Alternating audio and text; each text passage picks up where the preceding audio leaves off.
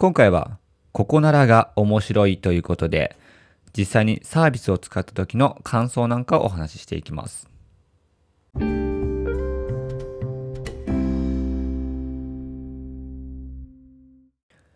皆さんこんばんは。ヒロトのふらーっと独り言。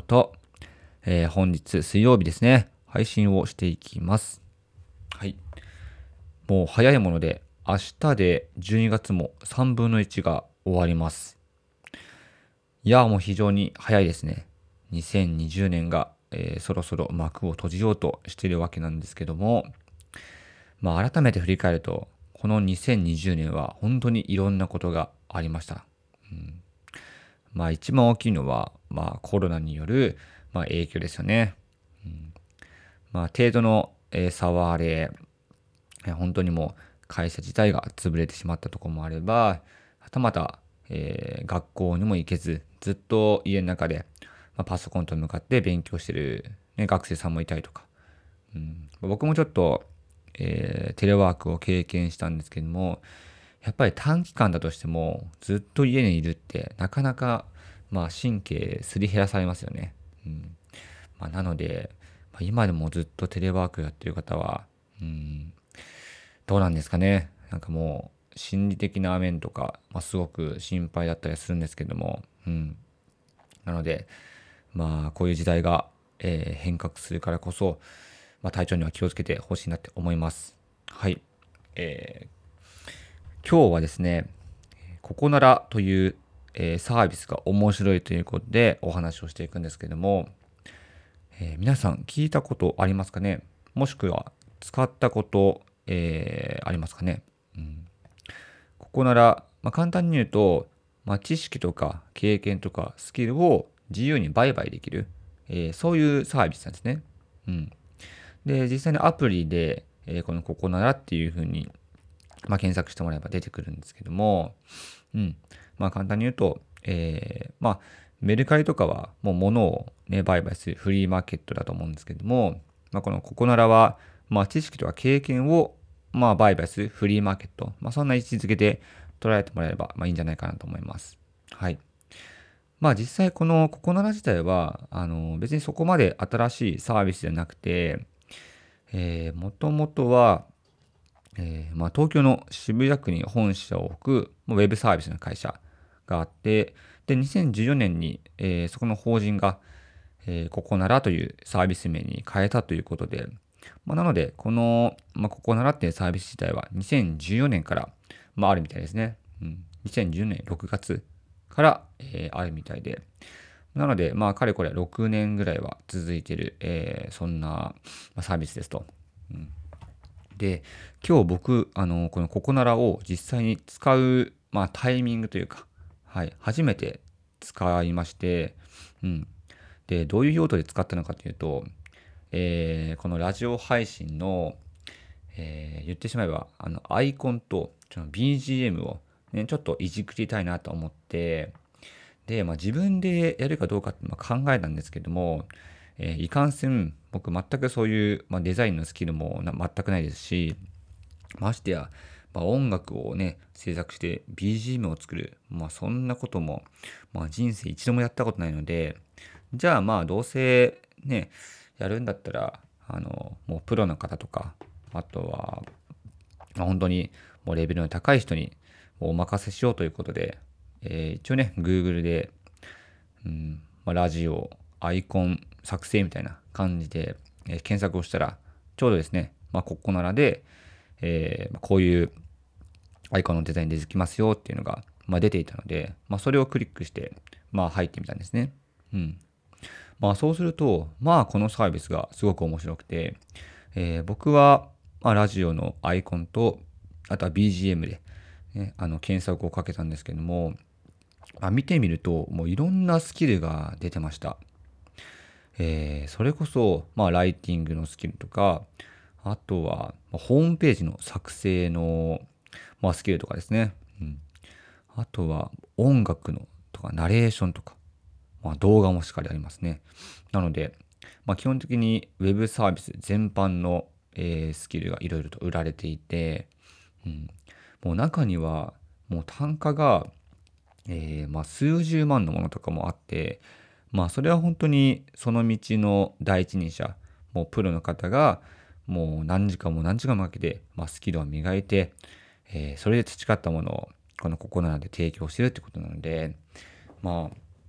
そういう経験とか実績に応じて、まあ、いくらでも、えー、まあ、値段をつけることができる。うん、そんな、あの、まあ、スキルを売買してる、うん、サービスが、このココナラというものです。はい。えー、僕はですね、今回、えー、まあ、買う側、まあ、利用させてもらう側でやったんですけども、えー、早速ですね、まず、BGM の方を頼んだんですね。うん。だいたい、えー、60秒ぐらいの BGM が4000円の、えー、で提供してる方がいたので、そこにあの依頼したんですね。うん。まあそしたら、まあ、あの、レスポンスがすごく早いんですよ。本当に。うん。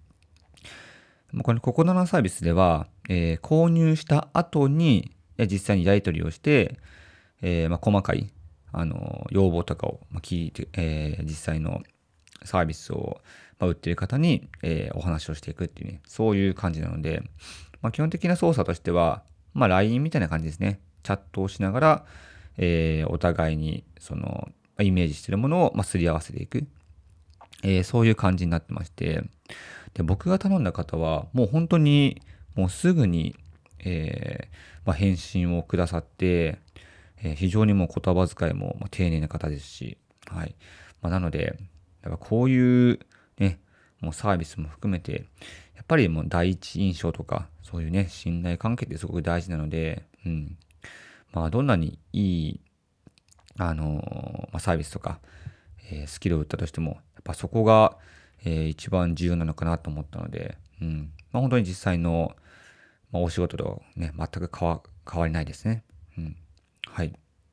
なので、僕はですね、まあすごく、あの、まあ礼儀正しくて、もうレスポンスも早い方にお願いすることができたので、えー、今回は、あの全く、まあ、僕もね、そんなに音楽の知識とかないので、本当にもうお任せします。もう完全にもう丸投げするっていう状態で、まあ、お願いしたんですね。うん。あ、あとは、うん、まあ、納期とかもね、設けることはできるんですけども、まあ、今回はあえて全く納期も設けずに、本当にもう自由に作成して納得のいくものを、えー、完成品として見せてくださいっていう感じで、あまあ、一応ね、購入した側なので、はい、そんな感じで伝えました。はい。まあ、なのでね、もうすごく、あの楽しみに、えー、今待ってます。うん。そうなんですよ。もう初めてこういうね、まあ、サービスを使ったからこそ、うんまあ、結構ワクワクはしますよね。うん、どんなのが返ってくるのかなっていう。まあ、なので、まあ、今回は、えーまあ、実際利用する側で、まあ、使ったんですけども、まあ、おそらくゆくゆくはもう自分が、えーまあ、スキルを提供する側に、まあ、ちょっと回ってみたいなっていうのも、あのー、まあ、実際いろいろ見てみて思ったので、まあ、まだね、何であの提供するのかは、まあ、全然決まってないんですけども、うん。まあ、こういうね、自分が培ってきたものを実際にお金として得られる、まあそういう、ま、プラットフォームがね、あるのは、まあすごいですね。多くの人のモチベーションを上げるのに、あの、役立つのかなって思いました。はい。えー、そんな感じで、まあまずはじめに BGM を頼んで、えー、2つ目はですね、うん、あの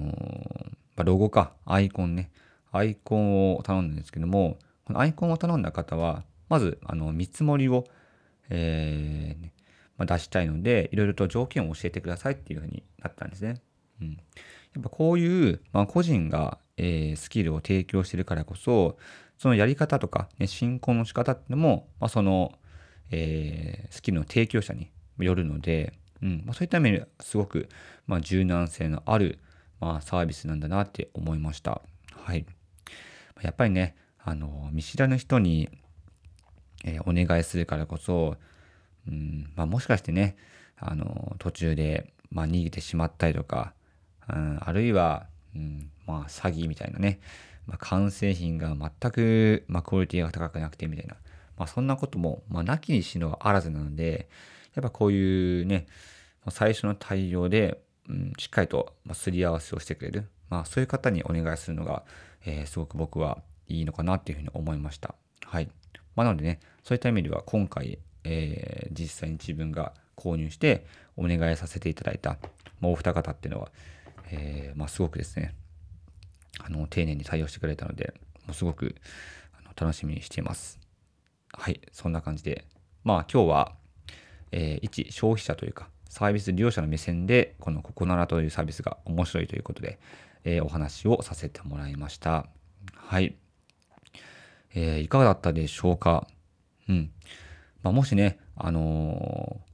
まあ、ラジオとか、あとは YouTube とか、そういう何かしらの、まあ、メディアとかね、自分で持たれてる方がいたら、うん。まあ、こういう、なんですかね、まあ、ここなら含めて、あの、スキルを実際にあの提供してもらって、うん。まあ、アイコンなり、まあ、BGM なり、あとは音楽なり、いろいろと、ね、頼んでみると、また、あの、全然違うね、発見があるので、まあ、すごく、あの、面白いなと思いました。はい。えー、そんな感じで、今日は、えー、終わろうと思いますので、はい。えー、今日は、えー、ここならが面白いということで、えー、使ってみた感想なんかをお話をさせてもらいました。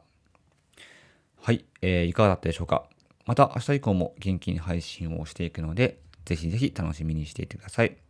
そして、えー、納品された後に、このヒロトのフラット独り言でも、えー、BGM とアイコンを変えるので、そこもぜひとも楽しみにしていてください。僕も楽しみです。はい、今日はそんな感じで終わりますので、それじゃあ皆さん、バイバイ。